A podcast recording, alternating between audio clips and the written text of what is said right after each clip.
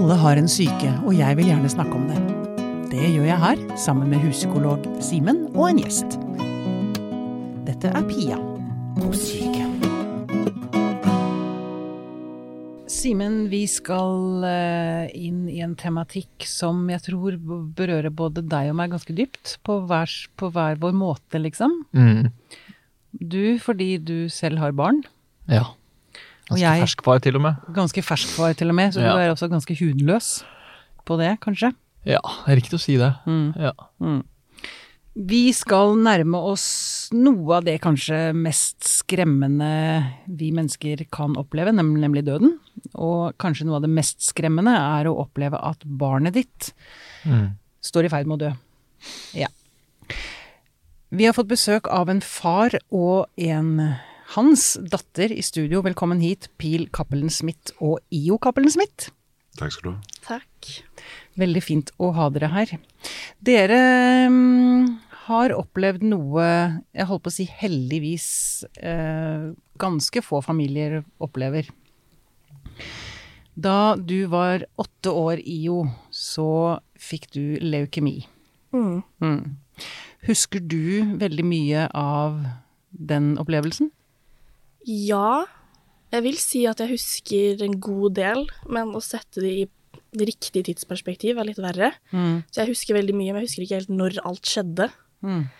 Så fra, fra starten av så har jeg på en måte noen konkrete minner av liksom startløpet, Mm. og så blir det litt mer sånn hist og pist med minner, sånn sett. Ja. Mm. Men husker du mye frykt? Nei, Nei. Nei, ikke egentlig. Det var liksom Jeg tror alle rundt meg var veldig opptatt av at det ikke skulle virke så veldig skummelt. Mm. Men jeg husker at jeg klarte å se, se gjennom det noen ganger på ansiktsuttrykk, og Mm. når de ikke trodde at jeg så, kanskje. Ja. Og det var liksom det, var det som var skummelt. Å At se de voksne var redde. Var redde, ja. Mm. ja. For det husker du. Ja, litt, Mm, men ikke mye. Mm. Pil, kan ikke du fortelle, jeg håper å si, hvordan, ta oss med tilbake til begynnelsen. Hvordan var det dere begynte å merke at IO var syk? Du, det, det kom veldig brått på. Ehm, nå jo ikke, lever jo ikke jeg og mor til IO sammen, og gjorde heller ikke det når hun var åtte. Men ehm, jeg husker jeg var, i, jeg var i Stavanger, og ehm, så fikk jeg en telefon uh, fra moren hennes som fortalte at de hadde vært på en familiefest, Mm. og så hadde IO blitt veldig, veldig slapp. Og mm. uh, hun var blek og sånn, framsto anemisk. Mm. Um, og, og at eh, de ikke helt eh, hadde fått klarhet i hva det skyldtes. Klarte ikke å finne ut hva det var for noe. Mm. Um, og så ble det etablert etter hvert at uh, dette var uh, leukemi type ALL.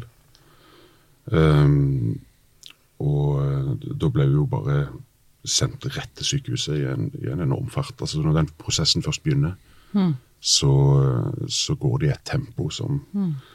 som er hesblesende. Mm. De, de har gode rutiner, de vet hvor de skal hen. Ja. Husker du hvordan du hadde det i de første dagene, altså da diagnosen kom og hun ble sendt på sykehus, og dette sjokket det må ha vært, da?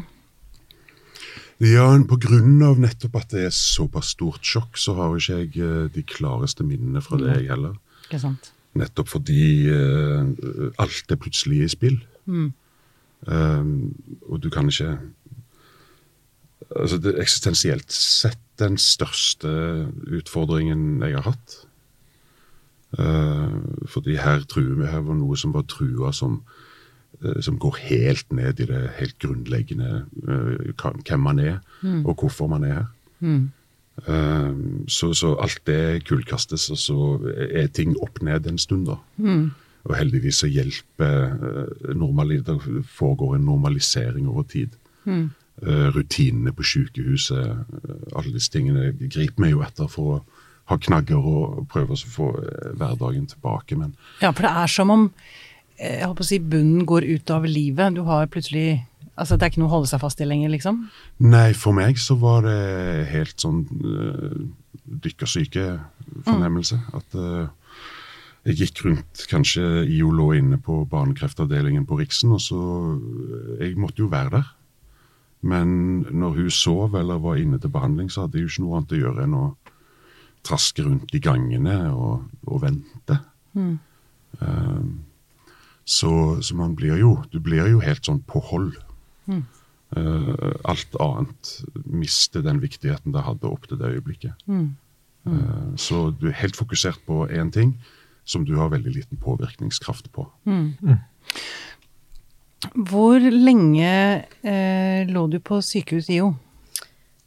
Altså, jeg husker ikke. Jeg husker jeg var litt sånn inn og ut av det. Mm. Så i starten så var jeg vel der et par måneder, to kanskje. Mm. Og så ble det litt mer sånn Ok, du kan være i leiligheten til pappa.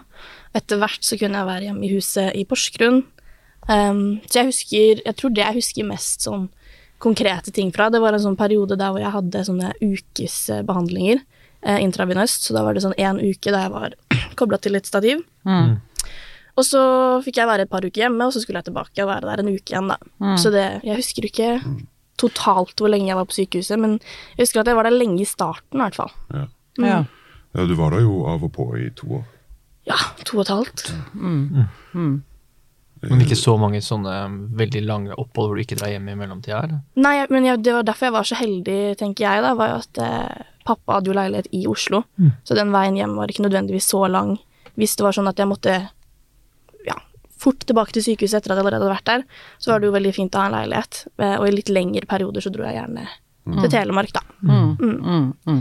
Og det kunne være når som helst at du måtte opp igjen dit. Det, det ser man på verdiene, ikke sant. Ja, ja. Og de, det er jo en daglig, eh, daglig vurdering om vi kan være hjemme, eller om vi må opp dit. Ja, ja. Og så var det jo Altså, hvor, hvor lenge eh, sto det om livet hennes? Sto, sto det om livet hennes i disse to årene, liksom? Eller? Så vidt jeg husker det, så gikk det litt opp og ned. Jeg har noen sånne minner av at vi fikk Vi ventet hele tiden på å se hvilken sånn gruppe, risikogruppe jeg befant meg i. Og så plutselig så kunne det være at jeg var liksom i intermediær som var verre enn hva enn som er under det. Som man liksom helst skulle befinne seg på. Og da var det jo på en måte Så gjorde de om løpet etter det, da. Ja. Men du var stort sett i intermediær risikogruppe. Ja. Men var det en gang jeg gikk til en gruppe som var høyere enn det? Det husker jeg ikke, men, men det var jo nok av kriser hvor, eh, eh, hvor hun f.eks. blir eh, det som heter nøytropen. Altså at, eh, at immunforsvaret ditt eh, nuller ut ja, helt. at du er fullstendig forsvarsløs, liksom? Mm. Og da, eh, da forandra jo veldig mye seg med en gang. Eh, Jeg husker en gang eh, vi var hjemme i påsken, hvor IO hadde fått lov til å komme ned til meg, og så skulle vi opp igjen til Rikshospitalet. Og så tok vi trikken, for vi, snak- snakka med avdelingen på forhånd. Og så sa de akkurat i dag så kan dere godt ta trikken fra, fra, Gunerius og opp til Riksen. Ok. Fordi nå er det påskekvelden, og det kommer ikke til å være noen eh, andre på trikken. Så det er jo noe vi i dag kan forholde oss til alle sammen gjennom Ja. covid. Ja. Men, eh, men det var, vi var jo tidlig ute med å erfare det der med at du må, altså, du må være steril, altså, Ja. mer eller mindre. Men var det, en sånn, var det da en sånn slags altså, veldig eksotisk opplevelse? Er det, husker du den trikketuren, eller? Jeg tror jeg husker det, men egentlig bare fordi det ble lagt fram som en stor greie. At jeg kunne ta trikken. Jeg tror at hvis ingen hadde sagt til meg jo i dag Skal du få kjøre trikk? så tror jeg ikke jeg hadde brydd meg noe særlig. Men eh, Du lå stort sett i fanget mitt hele turen opp uansett. ja, ikke sant. Men jeg husker, eh, husker at jeg fikk tatt fly, og da husker jeg at jeg var veldig fornøyd. Men da måtte jeg ha på meg munnbind, og så ja, drev jeg og tygga tyggis, og så det var ingen god idé. Det blåste bobler og så. Rett og slett. Okay. Ok. Du fikk tidlig, tidlig rutine med å gå med munnbind. du da. Yes. um, Pil, på et tidspunkt så får du beskjed av legen hennes om at du må snakke med henne om at hun kan komme til å dø. Det stemmer. Hvor langt inn i forløpet var dette? Ikke langt. Ikke langt. Nei, vi snakker en uke eller to. Å, så du var egentlig fortsatt i en slags sjokk? Ja, jeg hadde du da? begynt å, begynt å få litt grann eh, for ve- Ja, jeg var jo absolutt på vei ut av et sjokk, kan du si. Ja, mm. Eh, Så delvis tilregnelig. Hvordan eh, opplevde du å få den beskjeden fra legen? Og ja. Det Den beskjeden fra legen, den var jo i utgangspunktet helt ekstrem. Eh, men samtidig, jeg er, jeg er sønn av en lege sjøl. ja. Eh, og har alltid, eller snakker alltid mye med han eh, om ting som var hans fagfelt. Um, så jeg forsto vel nokså umiddelbart årsaken til at det var nødvendig at jeg gjorde det. Um, så, så det var greit når han sa at jeg måtte gjøre det, så var selvfølgelig min første reaksjon eh, Hei, hva med at jeg sier at alt, skal, alt blir bra? Sant? Du ville at han skulle si det? Nei, at jeg kunne, altså, Du- han du- ville at jeg skulle si til IO at dette kan du dø av. Ja. Men jeg øh, foreslo at jeg istedenfor kunne bare si at det, dette her er ikke Dette- noe stress, og det kommer til å bli helt fint. Og så sier han ja, du kan jo si det, men erfaringen hos oss er at hvis det ikke går bra, da, så ender man opp i en situasjon der foreldre og barn har mistillit mellom seg. ja. Sånn at det siste uh, du som forelder får vite fra barnet, du, du sa at alt skulle ordne seg, Og så gjorde de ikke det. og så, gjorde, så gjør de ikke det. Og, så- og, så- og den, Å bære på det resten av livet er sannsynligvis tyngre enn å bare ta den praten. da. Ja. Og hvordan uh, var det å ta den praten med IO? Du, Det gikk jo forbausende greit, det. Hva sa du? Nei, jeg måtte ha en knagg, ikke sant. Mm. Jeg måtte ha noe, eh, noe som jeg kunne få henne til å forstå at dette var greit, trygt på et eller annet vis. Det er ikke lett å finne. Men eh, så jeg gikk inn til henne, og så satte jeg meg ned og så sa jeg at jo, det eh, Du må vite det at dette er en sykdom som noen dør av. Og legen har sagt at jeg skal fortelle deg at det kan du òg. Eh, og så sa jeg jo ja, men hva skjer da, da? Og så sa jeg det vet jeg ikke, men jeg blir med deg hvis det skjer, så finner vi ut av det sammen. Og det var godt nok, det. Eh, ingen oppfølgingsspørsmål fra henne. Det, det var jo ikke, Hun hadde jo ikke noe behov for å tenke over døden sånn ellers. Nei. Eh, og ville egentlig ikke ta i det hvis hun ikke var nødt. Det er jo ikke en naturlig del av en åtteåring sitt liv. Overhodet ikke. Overhodet ikke. Eh, Så det opplevde jeg som altså, det, det løste seg på en veldig god måte, for vi trengte aldri å snakke om det igjen. Nei. Men jeg må bare klarere noe. Når du sa at du blir med, Mm. så finner vi ut av det sammen. Det var ikke sånn at du var suicidal, liksom? At du Nei. tenkte at hvis hun dør, så tar jeg mitt eget liv? Nei, det var jeg vel ikke, men det er klart ideasjonen var nok der. Altså eh, forestillingen om at eh, Hva skal jeg eh, Jeg så ikke for meg der og da at dette var noe jeg kunne At jeg kunne ha noe liv etterpå hvis dette skulle gå feil vei. Nei. Men det er jo man er så bundet opp. Alt handler om det. og Du er i en tilstand der det er det eneste som slår ut på registeret ditt. Det er ting som relaterer seg til sykdommen til barnet ditt. Ja. Så, så nei, jeg hadde ikke Det, det var ikke kon konkret sånn at eh, hvis hun døde, så døde jeg. Men jeg tenkte det var en, en effektiv måte å anskueliggjøre at du ikke var alene. ja. eh, Og at uh, dette var vi sammen om. Eh, og, og så gamble på at hun slo seg til ro med det, og det gjorde hun jo. Og det gjorde hun. Var du, var du lettet da hun håper å si, tok det så fint? Altså, Enormt. ja. Det er det verste jeg har vært nødt til å si til noen. ja, det Eh, Var det intuitivt, det med 'jeg blir med deg'? ja, det du Ja, det, det var det. Det, det står vel ikke noe om det i lektyren du får delt ut på barnekreftavdelingen. Um, så, men men det, det, er det handler jo òg om å si noe man kan forsvare på en måte, eller stå inne for. Uten at det er så veldig konkret. Det er ikke noe som er aksjonabelt her og nå. Men bare ikke tenk på det du med det, det, dette, Vi står i dette, begge to. Husker du dette, IO? Jeg tror det.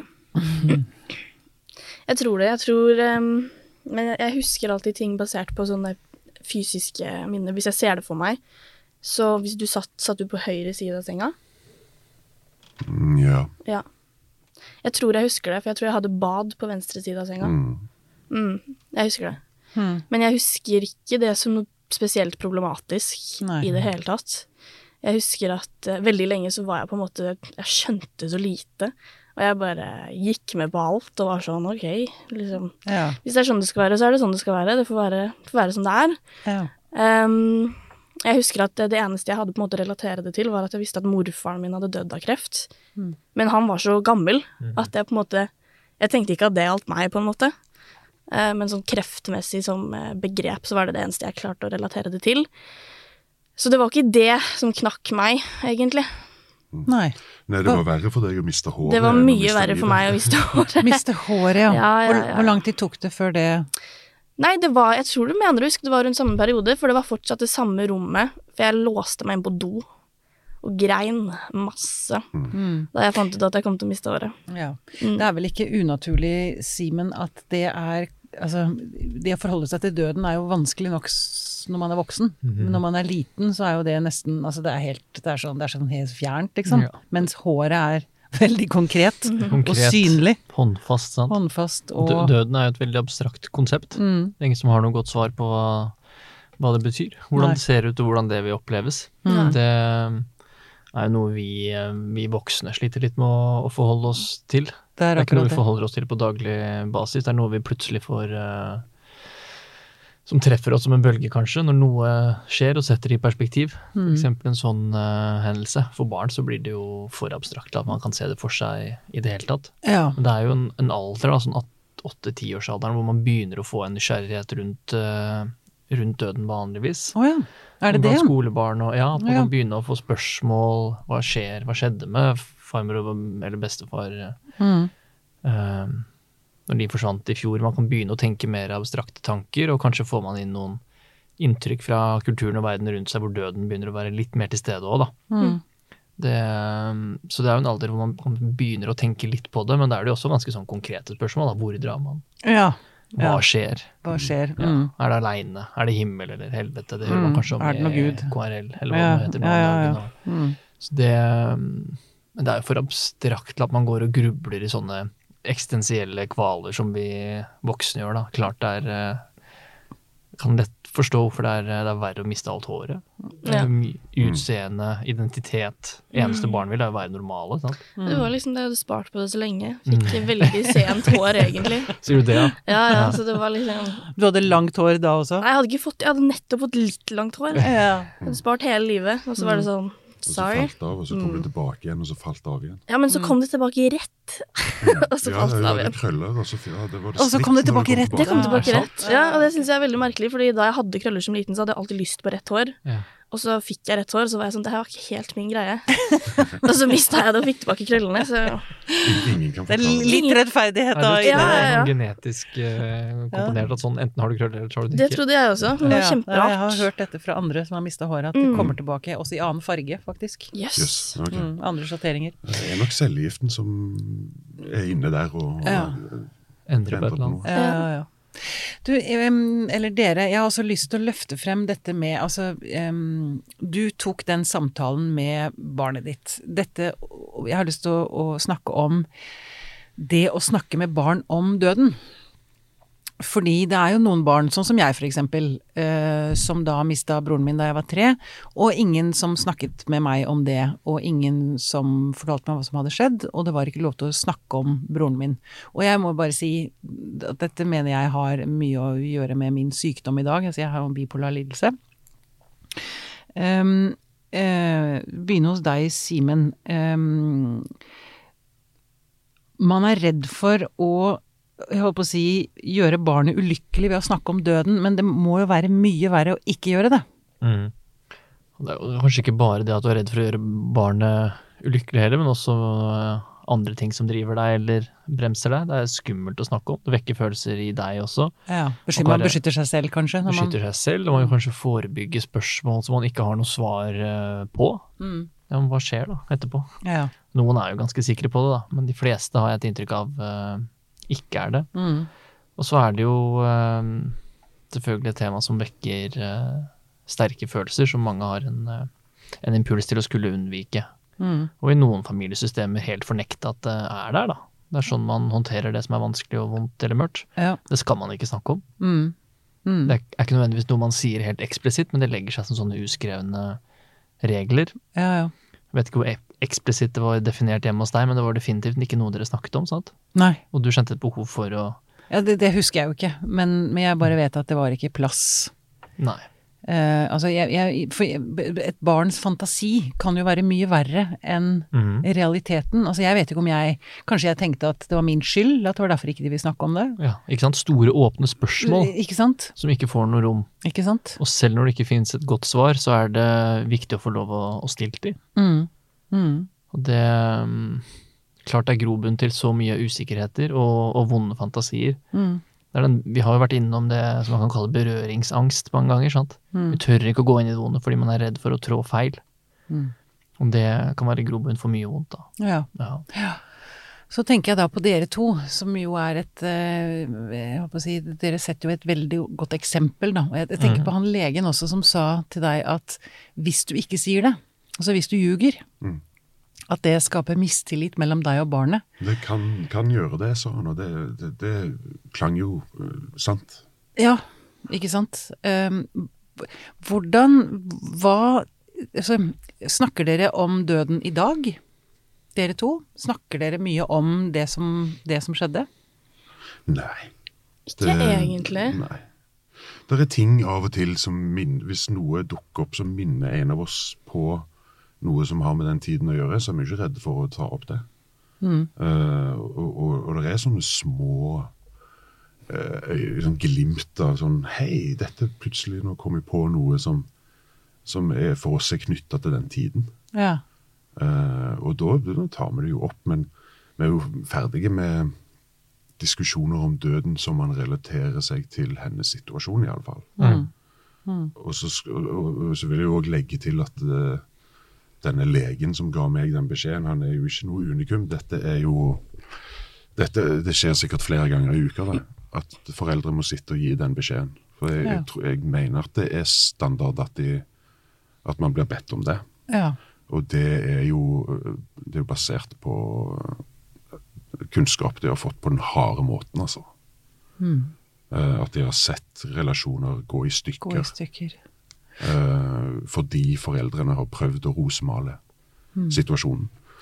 Så jeg er glad jeg fikk den beskjeden. Ja.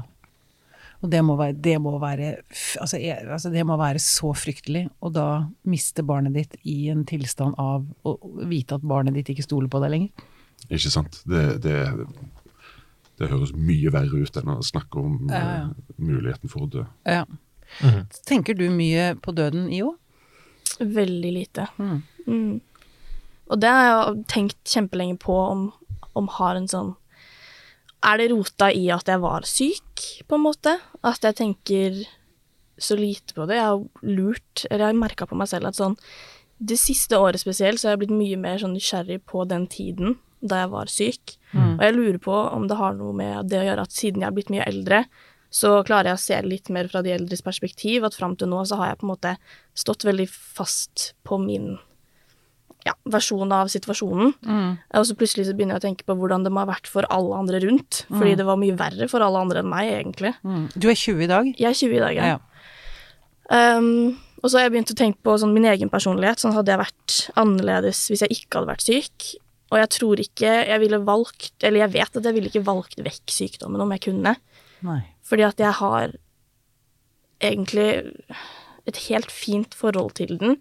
Og jeg husker Hjernen min har på en måte, antar jeg, sletta det verste av det verste. Så jeg husker egentlig bare de gode minnene. Mm. Og det er veldig rart, for jeg merker at eksempel hvis jeg snakker med mamma eller pappa, da, så er det sånn For meg så er det veldig Jeg husker veldig de gode minnene. Hva da, for eksempel? Hva er det som var gode minner? Så? Sånt? Jeg husker liksom Jeg husker at jeg sykla rundt på Rikshospitalet på en sånn trehjulssykkel. Med en sånn gigantisk bukett med heliumsballonger. Som jeg hadde fått av kompisen til pappa. Ble levert med en hund. Um, Med en levende hund? ja, jeg kom en hund med liksom den buketten Med den i- buketten gående ja, ja, inn til deg? Fantastisk. Ja, ja, ja. Og, og da sykla jeg liksom rundt med det, og jeg husker at Jeg husker jeg fikk syv påskeegg den ene påsken, fordi alle skal liksom ta ekstra godt vare på det. Til mammas store fortvilelse, så det var helt latterlig mye godteri. Uh, ja, jeg husker, jeg husker at jeg spiste en stor pølse nede i liksom Narvesen-kiosken på Rikshospitalet, og hvor glad de voksne ble. Fordi var- du spiste, ja. Fordi jeg spiste For du spiste veldig lite, selvfølgelig. Spiste veldig lite. Jeg tror det var onkel Mikkel sin. Og de var sånn 'Vil du ha en til?' Jeg var sånn 'Ja!' Og de var sånn «Woho! Endelig! Ja, for det, det, de rytmene der, eh, appetitt og søvn og alt dette gikk jo eh, Altså, det, det var eh, Det var på cellegiftens nåde til enhver tid. Ja. Så plutselig så Det var forutsigbart òg, da. At ja, nå kommer det to uker med veldig lite appetitt. Og nå kommer det to uker med hvor ansiktet svulmer opp. Det blir sånn måneansikt. Og, Mm. og her har du noen steroider som gjør at det eh, føles mindre plagsomt. og Som jeg levde veldig inne i de der daglige regimene. Eh, og IO var jo fantastisk flink til å gjøre som hun fikk beskjed på, fordi hun så i ansiktsuttrykket ansiktet på alle de voksne at dette var ikke tøys. Men eh, så hun, hun lot seg bare snu og måle og stikke og fylles med de hesligste ting. eh, lenge, helt til det en dag sa stopp, da. og da måtte hun bare markere at jeg, jeg har en vilje. eh, Ok, hva, hva skjedde? Hva, Nei, hun, hun eh, da, da, da var hun jo blitt bare liksom forvalta. Ingen hadde spurt henne hva hun mente med noe som helst på ganske lenge. Jeg husker det. Eh, og så nekta hun bare. Her, er- her nådde vi en terskel hvor IO måtte bare si fra at eh, hun var faktisk et selvstendig vesen. Jeg husker nøyaktig hva det var som skjedde. ja, få høre. Nei, det var at eh, jeg hadde fått masse piller, og jeg kunne pillene uten at jeg visste akkurat hvilken dose jeg skulle ha og hva, og jeg var liksom Det var noe som het Duffalakk, som var et sånt middel som de sprøyte inn i munnen min, som smakte så heslig. Ja, det smakte helt forferdelig. Det var det, og så kalsium, som jeg tror det var sånn Alternativet var å spise tolv bananer om dagen, eller et eller annet. Eller så kan du ta kalsiumen din. Og jeg var så mye kvalm, eh, så det var så ofte jeg kasta opp av de greiene her. Og så var de sånn, ja, nå skal du ta det her. Og det var sikkert mer enn vanlig, eller jeg vet ikke om det var det engang, men jeg var sånn, nei, det skal jeg ikke. Og de var sånn, jo, det skal du. Jeg var sånn, nei, det skal jeg ikke. Og så dreiv eh, pappa og den daværende stemoren min og prøvde å liksom finne måter de kunne få i meg de greiene her, og var sånn, ok, hvis vi tar råd, da. Avføringsmiddel. Ja. Avføringsmiddel, ja. Og jeg var sånn Nei. Ok, hvis vi tar to hver Og det må ha hørt komisk nok ut for meg til at jeg var sånn OK, greit. Så de eh, gikk inn på do og tok to hver. Fant jo ut i senere år at det var bare tull. Og de hadde bare tatt blåbærsaft. Solbærsaft. Solbærsaft. Ja, ja. Men jeg tok i hvert fall alt sammen. Og så gikk det ti minutter, og så kasta jeg opp alt. Så jeg måtte ta alt på nytt. Altså, Ja, ja. ja. Og det var jo, men det var jo det du var så lei av òg. Ja. ja. Og der sa du plutselig stopp, nå holder det. Nå Jeg, mer. tror jeg prøvde å si sånn Jeg vet akkurat hva som skjer hvis jeg tar det her. Da kaster jeg opp. Jeg kjenner min kropp. Ja. Ja. Ja, ja, ja. Ja.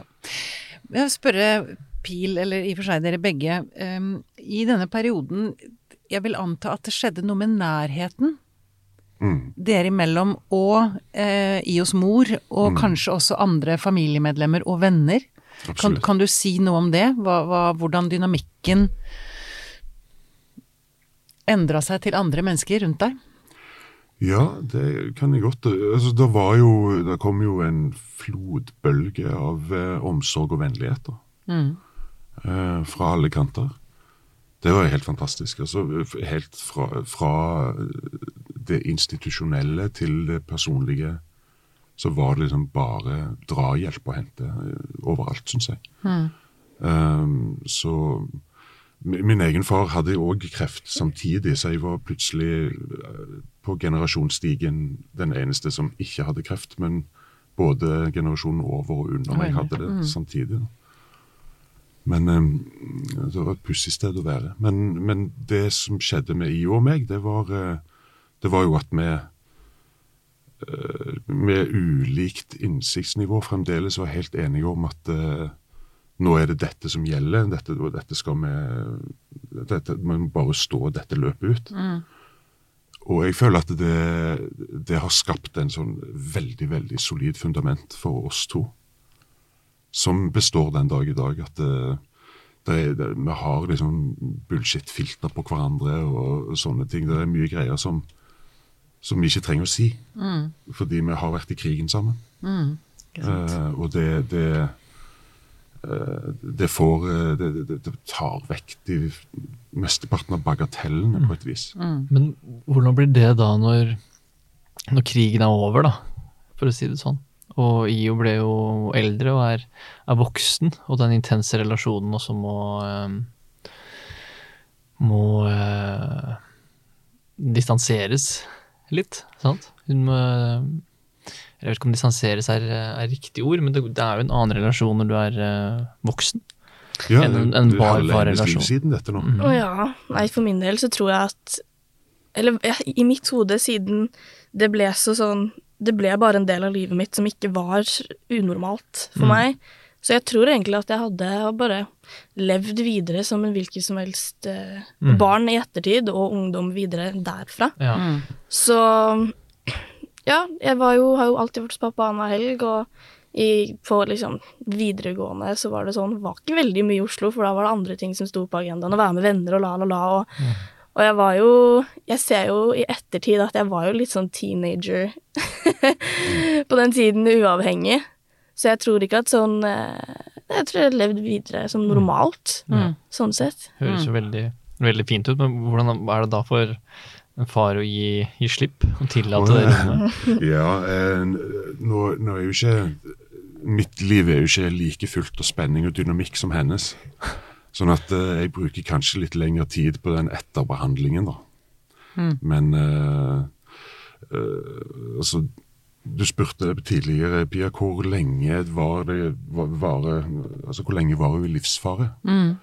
Eh, og det vil jo jeg si at uh, jeg har et instinkt som ennå ikke har slutta å pipe. Ikke sant. Du Nettopp. fortsatt Eh, Uh, hun er i livsfare så lenge jeg lever. Eh, fordi det er jo nettopp denne diabolske naturen til kreft, at du er aldri helt kurert. Du er bare i, re i remisjon, altså. Du har ingen symptomer. Eh, og så sa legene til meg etterpå at eh, ja, nå, nå, er hun, nå er hun fri for kreft og sånn. Ja, hva betyr det, sier jeg. Det betyr, sa de, at uh, det er like liten sjanse for at du får kreft nå som det var før hun fikk kreft første gangen. Og så sier jeg det kan ikke jeg bruke til noe som helst. Nei. For hun fikk det første gangen. For hun fikk det jo. Mm. Så hun er åpenbart eh, disponert, eller hva det nå er. Det var noen omstendigheter som gjorde dette mulig. Og de har vi jo ikke fått etablert hva var. Ikke sant? Vi vet hva som behandla henne, men vi vet ikke hvor det kom fra. Nei. Så, så det var nå i fjor det at du sendte meg en SMS med sånn siste, siste sjekk på Ja. sykehuset. Ja. Det var dit jeg ville nå, nemlig. Ja. Fordi du har gått til jevnlige kontroller. Ja. Eh, hvert tredje måned eller noe sånt, nå, var det det? Nei, det er sånn at eh, en Eller rett etter at jeg ble frisk, så var det én gang i måneden. Mm. Og da var det gjerne annenhver Rikshospitalet, Skien sykehus, Rikshospitalet. Mm. Og så, når det har gått, har gått to år, så er det annenhver måned. Når det har gått tre år, så er det hver tredje måned. Ja. Sånn at sist nå i fjor da jeg gikk på folkehøyskole, så var det liksom Da var det én gang i året type ting. Mm. Um, og så, på grunn av koronasituasjonen og det der lille boblesamfunnet man har på Eller vi var så heldige å ha i år, da. Mm. På folkehøyskolen så sendte jeg melding, eh, eller ringte og spurte om det var greit om vi tok eh, samtalen over telefon, eller om det var høyst nødvendig at jeg kom inn og tok blodprøver. Mm. Eh, for jeg kan jo på en måte den rutina der inn og ut. Jeg vet akkurat hva de kommer til å spørre om, og jeg vet akkurat hva jeg skal si. Og Mm. det er ikke så mye om og men. Eh, og da sa de det var greit, så da tok jeg eh, telefonsamtale istedenfor med hun som har vært legen min på Skien, da. Og så spurte jeg når jeg skulle komme inn, eller om jeg skulle komme inn til påsken, eller hva det var, eh, for å ta de fysiske testene. Mm. Og så sa hun sånn Nei, du er egentlig ferdig. Og så var jeg sånn Hæ? Hva sa du for noe? Nei, du er ferdig. Og så var jeg sånn, fikk jeg tårer i øynene, så var jeg sånn Er jeg uteksaminert? Og jeg bare sånn lo og var sånn Ja, nei, jo, du er uteksaminert. Og da var det sånn Jeg hadde ikke tenkt på at det kom en dag der hvor det ikke kom til å ha noe innvirkning på livet mitt. Ikke være en dato i kalenderen. Ikke nettopp. Og det er sånn uten at det har vært noe problematisk. Det har ikke vært sånn at jeg gruer meg til å dra til sykehuset. Oftest har det vært sånn at jeg kommer tilbake til Rikshospitalet, og så får jeg masse minner, og så går jeg opp til barneavdelinger og ser om «Å, er noen av liksom, de samme sykepleierne der. Men um, å bare tenke på at det virkelig ikke kom til å ha noe med livet mitt å gjøre, det var veldig sånn surrealistisk. Så det var derfor jeg sendte den meldingen, da, at nå, Nå er, du, nå er det ferdig, nå er det liksom. ferdig. Mm. Var det ja, ja. Jeg trenger ikke å spørre om det var en lettelse. Men, jeg hopper over det spørsmålet. Hva følte du da? Hva følte du da? Ja, jeg går heller til neste spørsmål. Du sa nemlig i sted at eh, du har å eh, Eller du har begynt å tenke mer på den tiden, Mm. og at det har kommet opp flere minner Mm. det siste året. Mm. Og jeg lurer på om det henger sammen med det? At du plutselig er ute av out of the woods. Som Det kan godt hende. At du plutselig kan hvile på en annen måte, og dermed så flyter ting til eh, Ja. overflaten. Kanskje. Jeg tror egentlig bare det har eh, Ja, jeg tror, bare, jeg tror egentlig det handler om at jeg bare er eldre. At det har ikke vært relevant for meg i det hele tatt. Mm. Men så har jeg fått en sånn en ny nysgjerrighet for hvordan har det egentlig påvirka meg? Har det påvirka meg på flere måter enn jeg er klar over? Mm. Fordi i mitt hode så har det ikke påvirka meg i det hele tatt. Men jeg antar at det har det uansett. Og for eksempel så tenker jeg at sånn, jeg er ikke noe redd for døden, og jeg tenker veldig lite på den. Og jeg tror at eh, da jeg var på sykehuset, som vi snakka om i stad, all, all den hjelpen Det skulle så lite til før noe var liksom en positiv opplevelse. Fordi det var en sånn negativ tid i og for seg. At jeg satte veldig pris på alt sånt, alt av smårusk og rysk og, som kunne være gøy, da. Mm. Og jeg lurer på, jeg tror kanskje det er, har, noe med attituden min i dag å gjøre. Mm. At uh, jeg setter mye pris på ting, tror jeg. Mm. Og eh, ja, nei, jeg tror for eksempel det at, at jeg hadde den reaksjonen på at jeg var uteksaminert, holdt jeg på å si. Hadde jeg aldri trodd at jeg skulle ha. Jeg trodde ikke at jeg kom til å gråte. Nei. Så jeg ble veldig sånn satt ut av meg selv. Eh, og da er det jo kanskje et eller annet som jeg på en måte ikke har funnet Ja, ut av. det, det kan jo høres sånn ut som at det har ligget et, et underbevisst, eh, en underbevisst trussel i Mm. deg som plutselig var borte, liksom. Ja. For det er vel ikke unaturlig, Simen, at man når man står i en krise, at, at, eh, at man fortrenger minner, at man glemmer ting, men at når man er trygg igjen, så plutselig så kan det flyte opp, liksom. Ja. Det er jo den eh, det bildet om han skipsforlisene som ikke kollapser før han, han kommer til land. Ikke sant? Det er da det kommer, fordi man er i beredskap, man er i krise. Mm. Ikke sant? Sånn er det i de fleste sånne Mm. intense traumesituasjoner da, og livsfare og sånne ting. Vi har et helt enormt reserve med ting vi kan mobilisere, Mm. og så kommer det, så kommer det følelsesmessig litt i annen rekke. Ja. Da kan det bli ganske kaotisk. Men dette er jo en litt annen eh, type opplevelse å gjennomleve, sant? fordi det er ikke én krise som skjer i løpet av en time. Det er en lang, eh, lang prosess som preger eh, livet ditt i lang tid, sant. Så jeg eh, følger deg jo veldig på den i det at det er kanskje en, en konsekvens av, av modning. Mm. At du blir eh, klokere, du, du åpner opp perspektivet ditt i, i større grad. Da. Mm. Har evner å, til å tenke mer om, om livet og døden. Ja. Og en forestillingsevne da, til å tenke oi, shit, dette kunne jo gått også andre veien, liksom. Ja, faktisk. Når jeg tenker meg om, så tror jeg at eh, det som utløste at jeg begynte å tenke litt mer på det, det var at eh, vi hadde noe som het eh, Hva het det? Ikke sånn dagens ord, men på folkehøyskolen, der man kunne snakke om, om ting eh, En ny elev hver dag, da. Kunne snakke om hva du vil i fem Et minutter. tema, et fritt tema. Fritt tema i Ja, minutter. mm, Og så eh, klarte jeg på en måte i år å innvendig formulere en sånn taktikk jeg har hvis jeg har det kjipt, som jeg har liksom definert som fremtidig retroperspektiv. Som er at Fremtidig retroperspektiv. Ja. Som er at hvis jeg har det kjipt, så tenker jeg om ett år, om tre måneder, når jeg ser tilbake på det her, så kommer det ikke til å være et problem. Mm. Kommer ikke til å være vanskelig. Sånn Det kommer til å gå helt fint. Og sånn har jeg på en måte gjort hele livet, men jeg har ikke klart å definere det på den måten. Og det gjør jeg med alt, og det pleier jeg liksom å anbefale vennene mine å gjøre hvis de syns et eller annet er vanskelig. Og det lurer jeg på om har noe med det å gjøre. At uh, Det gir jo veldig mening. det gir veldig mening at sånn Jeg kan se tilbake på at det gikk fint, så hva, hva går ikke fint da, på en måte? Mm. Pluss at når, vi hadde, når du var i, i selvgiftløpet ditt, så var det jo alltid snakk om å bare holde ut eh, Holde ut en liten stund til, Mm. og så er du ferdig med denne veldig veldig eh, kvalmefremkallende medisinen, f.eks. Mm. Så, så IO ble alltid ble, fikk jo alltid beskjed om at du måtte holde ut bare eh, denne fasen, og så skulle det være over. Så ble det avløst av en ny fase.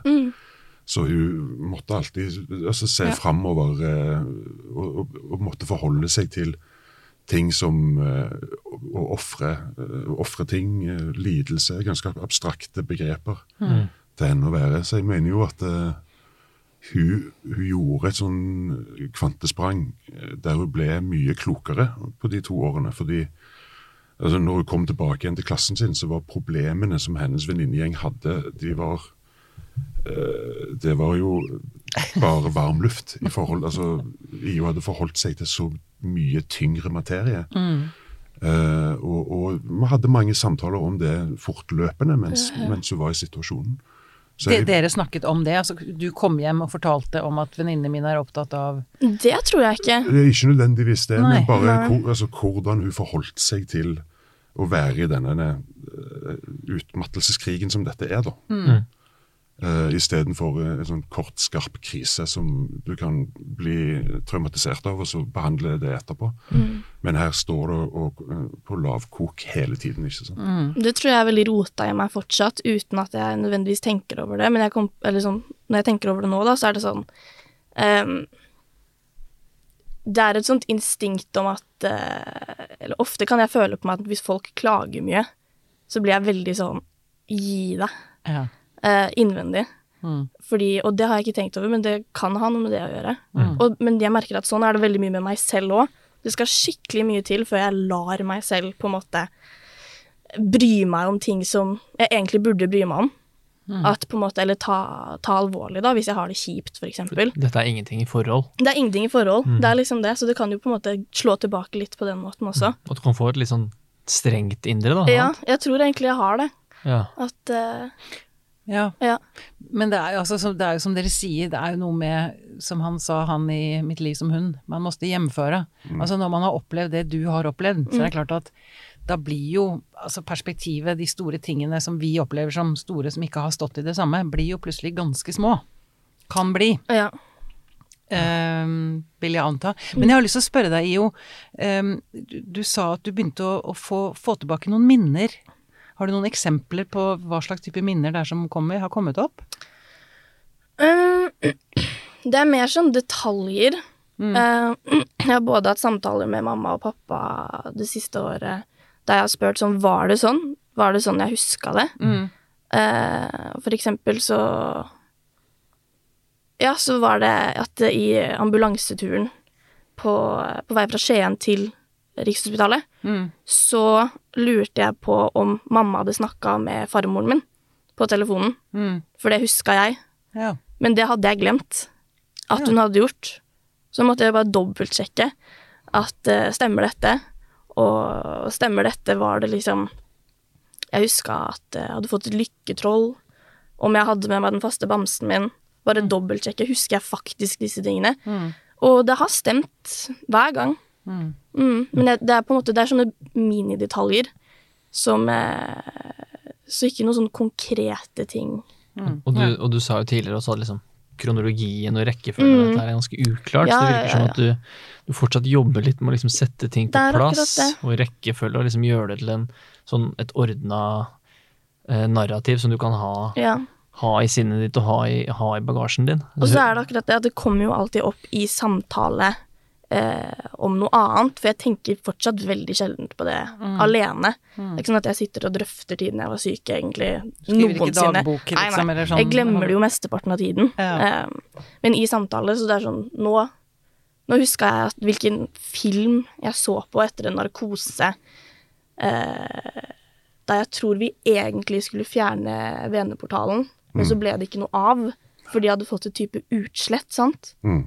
Og da hadde farfar kommet og hele pakka, for vi skulle liksom feire at den skulle ut, og så skulle den ikke ut allikevel, for de turte ikke å operere. Og så våkna jeg, så var den ikke operert, kanskje. Du må kanskje forklare hva en uh, VAP er. Veneportal, eller venearterieportal, er det det står for? Veneaksessportal, tror jeg det. Nei, det er en sånn liten boks som de opererte inn her, uh, sånn at de ikke trengte å ta blodprøver og sette medisin hele tiden i armen. Som er direkte kobla på en eh, blodåre i halsen. da. Det går til hjertet. Ja. Altså, egentlig en liten kumme som sitter under huden, som du da setter sprøyten i, så du får garantert at hele dosen blir levert rett til hjertet og spredd. Ja, Og den, sitter, den sys inn, eh, altså opereres inn under huden. Men du har ikke den nå? Ikke den, eller jo, jeg har den, men ikke inni meg. Nei. Har du den som sånn Hei, har du ramma den inn og hengt Jeg den har på ikke ramma den inn, men ligger i en boks et eller annet sted. Ja, ja, ja, Jeg er sånn. Den her skal ingen steder. Nei, akkurat.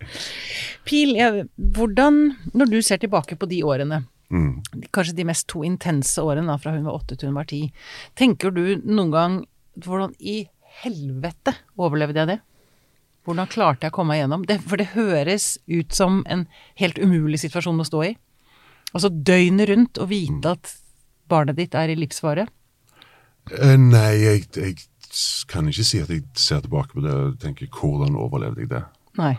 Uh, det har jo mye med å gjøre at, uh, at, at man sjøl går inn i en sånn, en, en sånn langtidsmodus. da. At ok, her skal vi bare legge skulderen til hjulet lenge og bare gå på.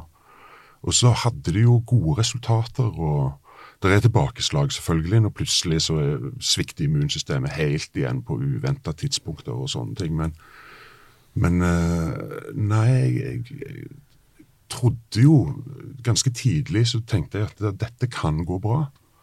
Eh, det er en sykdom man skal, helst skal få som barn hvis man først skal ha den. Eh, og, og medisinerne, legene, sykepleierne rundt oss var fantastisk dyktige. Så vi følte oss veldig godt ivaretatt. Så, så Nei, det Mitt fokus lå på altså, at IO skulle klare seg gjennom dette her. Og så Så var du det satte liksom deg selv litt til siden, på en eller annen måte, dine egne behov og dine egne Eller man får vel litt sånn, hva på å si, tunnelsyn. Altså Ja, at man blir så utrolig fokusert bare på å og, og blir man mer opptatt av øyeblikket? Det gjør man jo. Ja, det, det gjør man jo. For det, det, er, jo, eh, det, er, jo, det er jo det du har.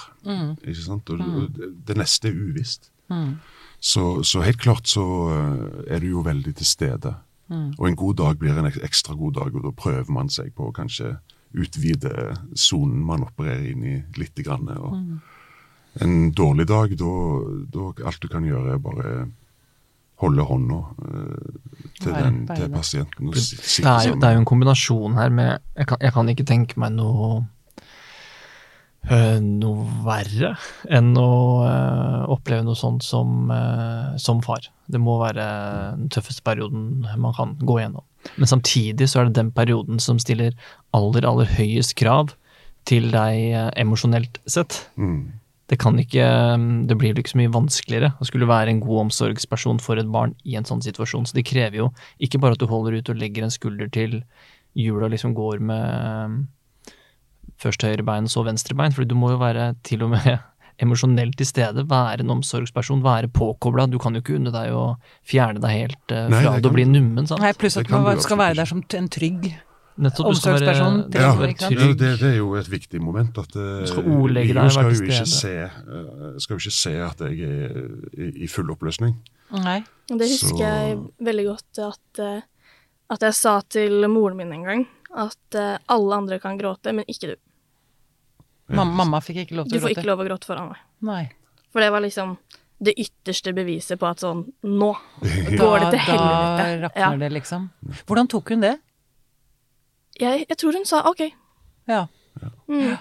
Men det, du da, Pil, altså, du, du gråt kanskje ikke foran IO du heller, men det må ha vært noen tunge netter, for eksempel. Altså, hvor du mista jeg, husker, jeg husker det som om det var uh, i dag. Altså utsikten fra, fra rommet hennes på barnekreftavdelingen.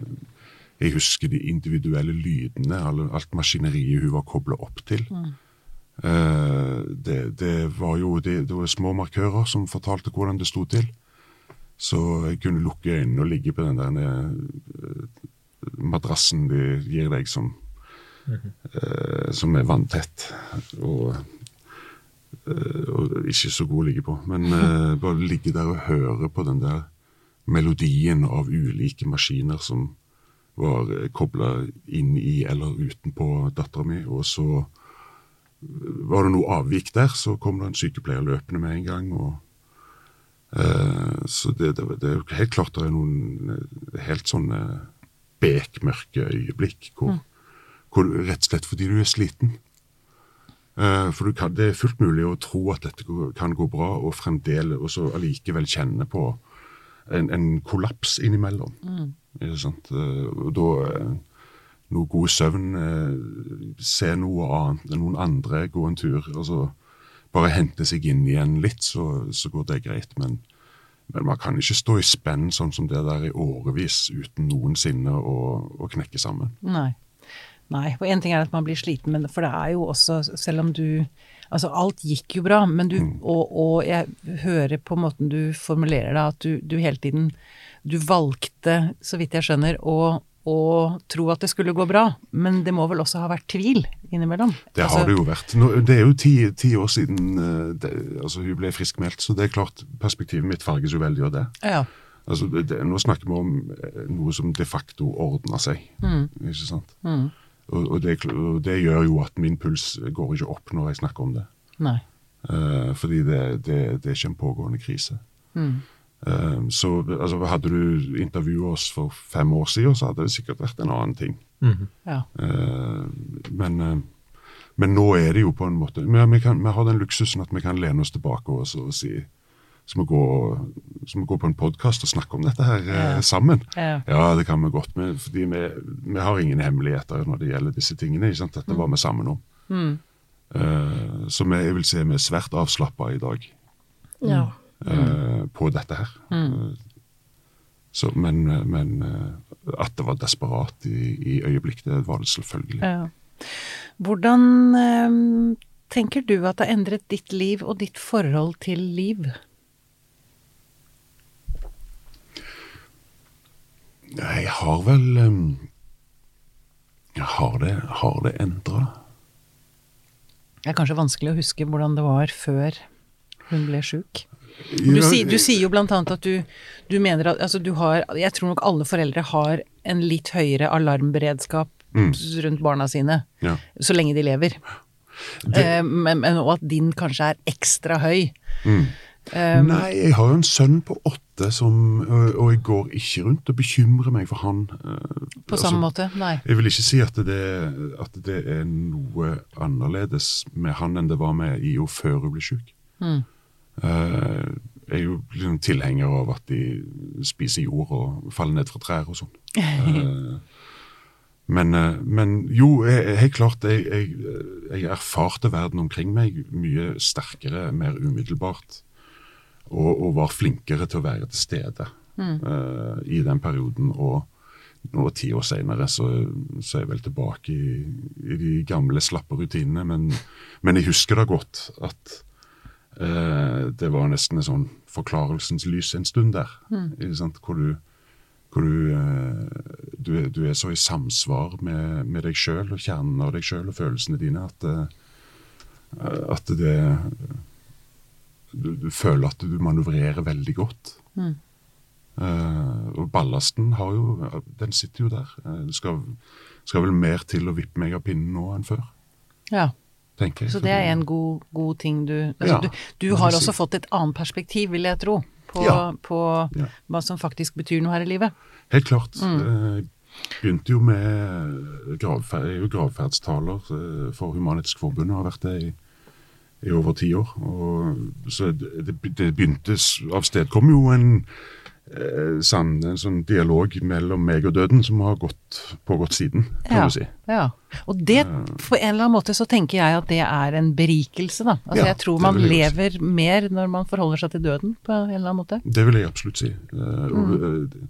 ikke glem at du skal dø, gamle Mm, ikke sant? Memento mori. Ja. Mm. Eh, Mm. men nå kjenner jeg, beklager, jeg er helt nødt til å tisse, altså. Ja, Du du klipper det vekk eller greit. Men det er bare ut og til venstre. Vi kan jo Du kan gå og tisse, så kan vi snakke litt mer med IO. ja. Nå skjønner du. Nå, nå har vi deg på to, to tremannshånd. Nei da. Da. Ehm, hvordan vil du Men jeg kan begynne på det nå. Hvordan jeg forstår det på Pil som om altså, du og faren din har et veldig, veldig tett forhold. Opplever du det sammenlignet med dine, dine eh, eh, jevnaldrende? At du er nærmere foreldrene dine enn andre? Jeg opplever det som om at jeg på en måte kjenner dem kanskje bedre. Du kjenner dem bedre? Ja, jeg tror de har vært ærligere med meg enn mange andre foreldre. At.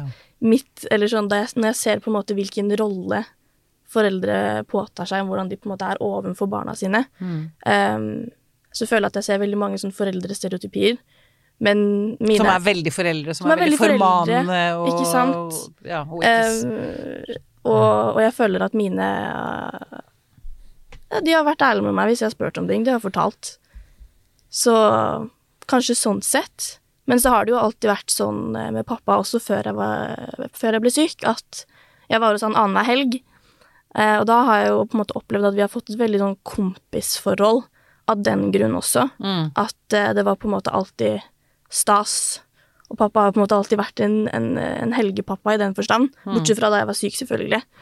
Eh, så det har alltid vært sånn at vi har gjort veldig mye gøye ting sammen. Det har alltid vært veldig viktig for han at jeg skal få oppleve nye steder og mennesker. Som gjør at eh, i stor grad så er pappaen min veldig mye mer kompis enn mange andre fedre, da. Overfor sine døtre, kanskje spesielt. At kanskje Sånn stereotypisk, så kanskje jeg- det er litt sånn far-sønn-forhold, egentlig. Og en ganske, ja, okay. og en ganske voksen relasjon, på en måte, da. Ja, ja. Fordi dere har vært igjennom eh, så mye sammen. Mm. vært At da blir mm. de skillene som ellers ligger der, er kanskje mer vaska Ja. ut. Mm, mm. Jeg spurte um, datteren din om eh, om eh, hun følte at hun hadde en, en større nærhet til sine foreldre enn sine jevnaldrende. Om det var mer åpenhet, eller om det var Om det var et sterkere, tettere forhold. Ja. Og så får du få høre podkasten, da, for å høre Ja, hva nettopp. svarte. Hvilken teaser. Jeg, jeg opplever iallfall det fra min, eh, fra min kant. Eh, vi har vært igjennom noe sammen med to som gjør at uh, at vi rett og slett uh, forholder oss til hverandre på et litt sånn høyere nivå enn en mange andre jeg kjenner. Ja.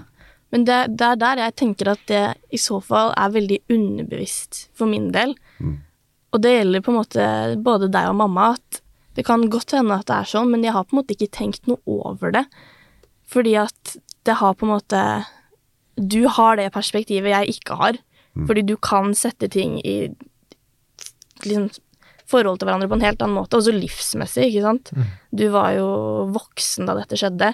På det tidspunktet så var jeg bare åtte, jeg hadde ingenting å sammenligne med. Mm. Sånn at det er jo ikke før nå jeg har hatt noe å sammenligne med. Så jeg har ikke drøfta eller tenkt spesielt over disse tingene. Og det er derfor jeg tenker sånn, også med min egen personlighet, men også forholdet mitt til dere, er at sånn Kanskje det er eh, sånn og sånn, og at det er derfor på en måte jeg føler dere har vært så ærlige og ordentlige. og det er sånne ting som jeg har tenkt over først nå, men ikke Ikke lenge siden jeg på en måte begynte å tenke på det. Så det, det kan komme mye mer, da. Ja, ja, det er godt mulig. Bare å holde seg fast. For noen sunne, sunne, sunne spørsmål å, å stille seg. Mm. Og eh, terapeutiske, for å bruke et sånt ord. Altså det å, å våge å tenke i disse baner, da. Da må det jo gå litt tilbake i tid til også hendelser som var uh, vonde og skremmende, men det er det det koster, da. Å stille seg disse spørsmålene. Hvordan er det det har preget meg? Mm. Og i hvilke situasjoner er det det plutselig dukker litt uh, opp igjen? Mm. Eksempel det at du kan merke at du eh, kan være litt sånn uh, streng med deg sjøl og tenke at de vanlige hverdagsproblemene ikke er gyldige lenger og sånne ting. Det er så viktig at du kan, at du kan se det og få det opp i lyset. Ja. For å ha litt oversikt da, og kunne ta noen bevisste valg på ja, men vet du hva, jeg skal unne meg å synes at eh, det er vondt å bli dumpa eller å stryke på en eksamen. Eller, eh, Det var gøy du sier det, for akkurat før eksamen jeg tenkte på det sist. Det var det sånn, ja, ja, det var sånn, det her, det er ingenting. Det er bagatell, det går bra. Det er eksamen, det er ikke krise. Mm, og det er jo eh, sterkt og en veldig positiv innstilling å ta, men du må jo også unne deg å synes det er stress, da. sant? Ja, nei, men det, det, det er akkurat det jeg driver og jobber med, faktisk. Mm. Et annet spørsmål til, til dere. Eh, Du sa i sted, Pil, at du eh, ikke overbeskytter sønnen din. Og jeg lurer på om ikke det er litt uvanlig. Og jeg opplevde jo at både jeg og min yngre bror ble veldig overbeskytta Ja. av spesielt mamma. Han var livredd. Altså virkelig, virkelig redd. Og jeg trodde liksom det var en ganske naturlig reaksjon fra foreldre, da, som har vært uh, så nær ved å miste. det- handler nok mer om gemytt, altså. Ja, det gjør det kanskje. Eh, det tror jeg det gjør, for jeg, jeg, jeg kjenner jo både kjenner kvinner og menn som har eh, eh, Som er ekstremt engstelige eh, for barna sine, og, og andre er det ikke. Så det, det handler litt mer om hvordan du er skrudd sammen sjøl. Mm. altså, og, og, og, og du, hvordan din egen barndom var, og hvordan du forholder deg til psyken til barnet ditt. Hva, Ja. hva som er, er problematisk og ikke. Mm. Uh, så jeg syns jo sånn helikopterforeldreløsningen tror jeg lager en haug med dysfunksjonelle unger. Mm. Uh, de får ikke lov til å feile, de får ikke lov til å skade seg, de får ikke lov til å gå på smeller. Mm. Ikke sant? Så når når de da slipper ut å rede, og verden står klar til å gjøre akkurat de tingene med de igjen og igjen og igjen, så har de ikke Motstandskraft. Nei, nei, De har ikke ingenting å å- slå tilbake med. Mm. Mm. Det er veldig min Eller min følelse av det hele også. At, ja, at begge foreldrene mine har på en måte ikke vært noe sånn sy puter under armer-opplegg. Eh, og det er kanskje litt rart, og jeg kjenner mange andre som på en måte aldri har hatt noen sånn type smell som vi har hatt, der hvor det er på en måte helt pakka inn i, i eh, Mm. tyll, da. Men Mm. Men eh, det har virkelig vært sånn at eh, jeg føler ikke det har satt noen stopper for at jeg skal få lov til å bare leve det livet jeg hadde, var ment å leve, og gjøre de feilene jeg var ment til å gjøre. Mm. Og sånn føler jeg fortsatt at de har vært veldig sånn Ja, veldig for den der learning by doing-teknikken, da. Mm. Fint å Og de klare har å alltid bevare det. stolt på meg, ikke sant. Det er det det handler om. Jeg har følt at foreldrene mine har stolt veldig på meg, og stolt på at sånn innerst inne så er jeg jo en ansvarlig og klok jente, og utover det så går det bra. Og det er mye bedre at eh, hun, hun lever eh, livet sitt og er trygge på at hun kan ringe oss og, og få hjelp, Mm. enn at uh, en venner jeg hadde på videregående der det var sånn Mm. jeg vet ikke, Hvis man skulle på en fest, da, så var det sånn ingen foreldre skulle vite noen ting, og det var sneaky-sneaky. Men, men for meg så var det sånn Så lenge du ikke finner på å gå til det busstoppet alene, og du sier hvor du er, og vi vet at du er trygg, så går det greit. Ja. Mm. Jeg har alltid følt på det som veldig sånn betryggende. At sånn, Ja. de stoler på meg. Der har du igjen for den tilliten. Mm. Det er, ja, det er vel kanskje noe av det viktigste mellom foreldre og barn, tenker jeg. Jeg har lyst til nå mot slutten å høre med dere om Det kan hende det sitter mennesker der ute og hører på denne podkasten som nå eh, står oppi noe av det samme Mm. som dere har vært igjennom. Enten at de selv har barn som er alvorlig syke, eller at man er venner av noen som eh, opplever noe lignende. Hva, hva har dere lyst til å si til dem? Kan dere få dele av visdommen dere sitter inne med? Av det dere har opplevd? Det er jo liksom en visdom farga av at det gikk bra. Mm. Og da er vi jo nettopp tilbake på den tematikken med at man kan ikke bare si at det nødvendigvis kommer til å gå bra. Nei. Men for min del så tenker jeg at sånn Altså, hvis det går bra, så eh, Så må du bare fokusere på det, og så deale på det med på, på din egen måte. Og i hvert fall i mitt tilfelle så har det gått kjempefint. Mm. Uh, og jeg lever helt fint med det. Og jeg ville ikke valgt det vekk engang, og det tror jeg handler veldig mye om perspektiv. Og selvfølgelig er det lettere å ha et perspektiv eh, som er positivt ettersom at jeg var åtte år og føyk rundt og var egentlig et veldig sånn happy barn. Mm. Um, og jeg har tenkt mye på det sånn i det siste, sånn ok, hva hvis jeg blir syk igjen? Jeg tror jeg er mer rutta, og jeg tror ikke det på en måte hadde knekt meg. Um, sånn at eh, perspektivet har alt å si. Ja. Mm. Ville du valgt det bort, Pil, hvis du kunne? Eh, nei, jeg ville faktisk ikke valgt det bort. Nei. Eh, For det har gitt Det har Ja. kommet noen gaver. det, det, har, eh, det har absolutt eh, vært lutrende på, på den gode måten. Mm. Men hvis jeg skulle sagt noe til noen som, som kjenner igjen situasjonen jeg har beskrevet, så ville vel egentlig vært og Rådet ville vært å være i det med hele deg mens det står på. Ja. Eh, og, vær i det med hele deg, med alle hele ditt følelsesspekter. Ja.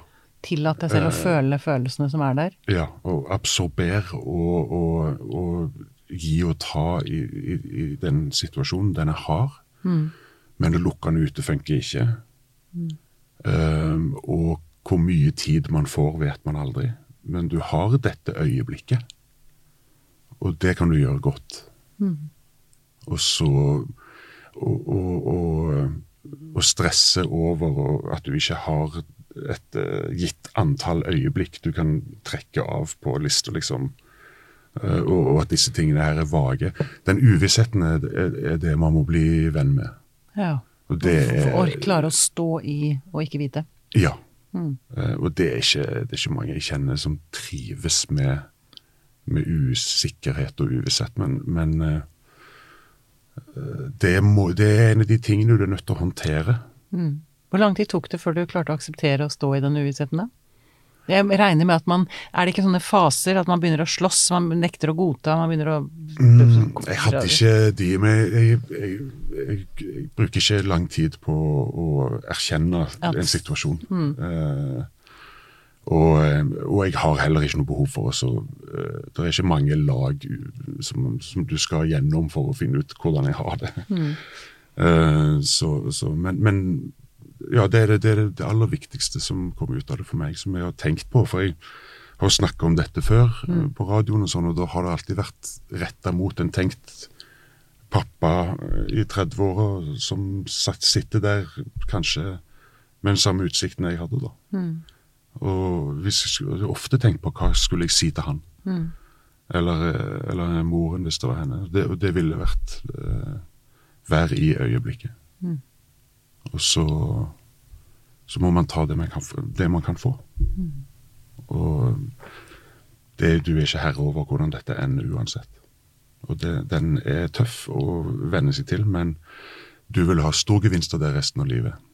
Eh, og, og bare å ha erkjent at du er en liten papirbåt på stormfullt hav.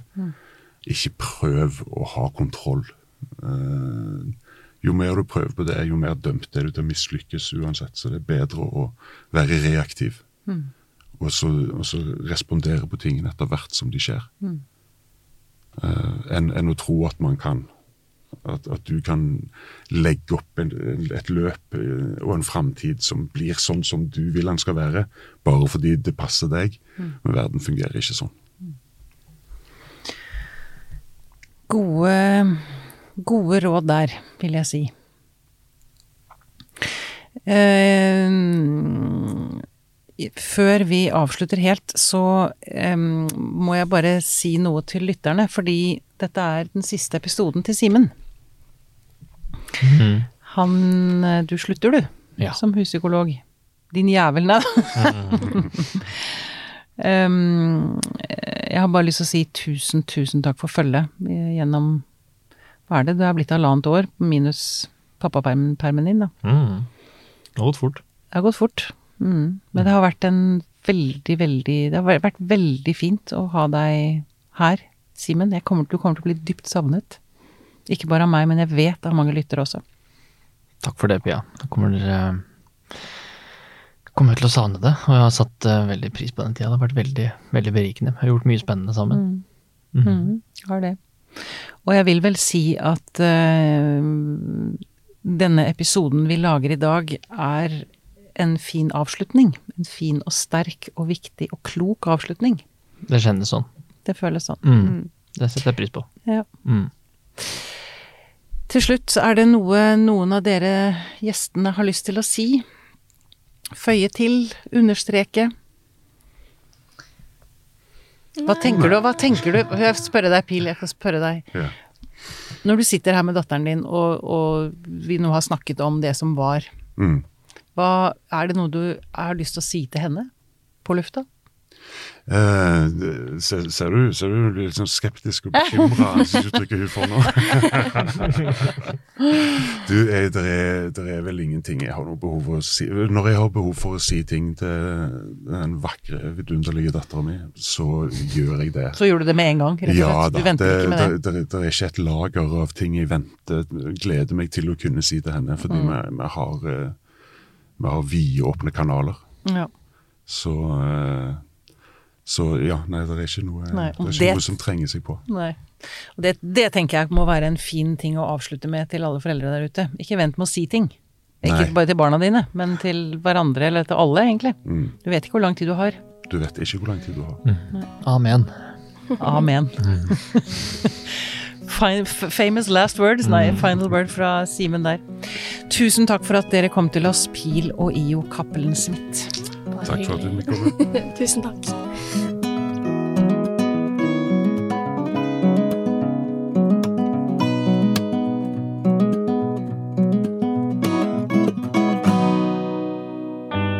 Denne podkasten er produsert av Tid og list. Med støtte fra stiftelsen Kåre Berg.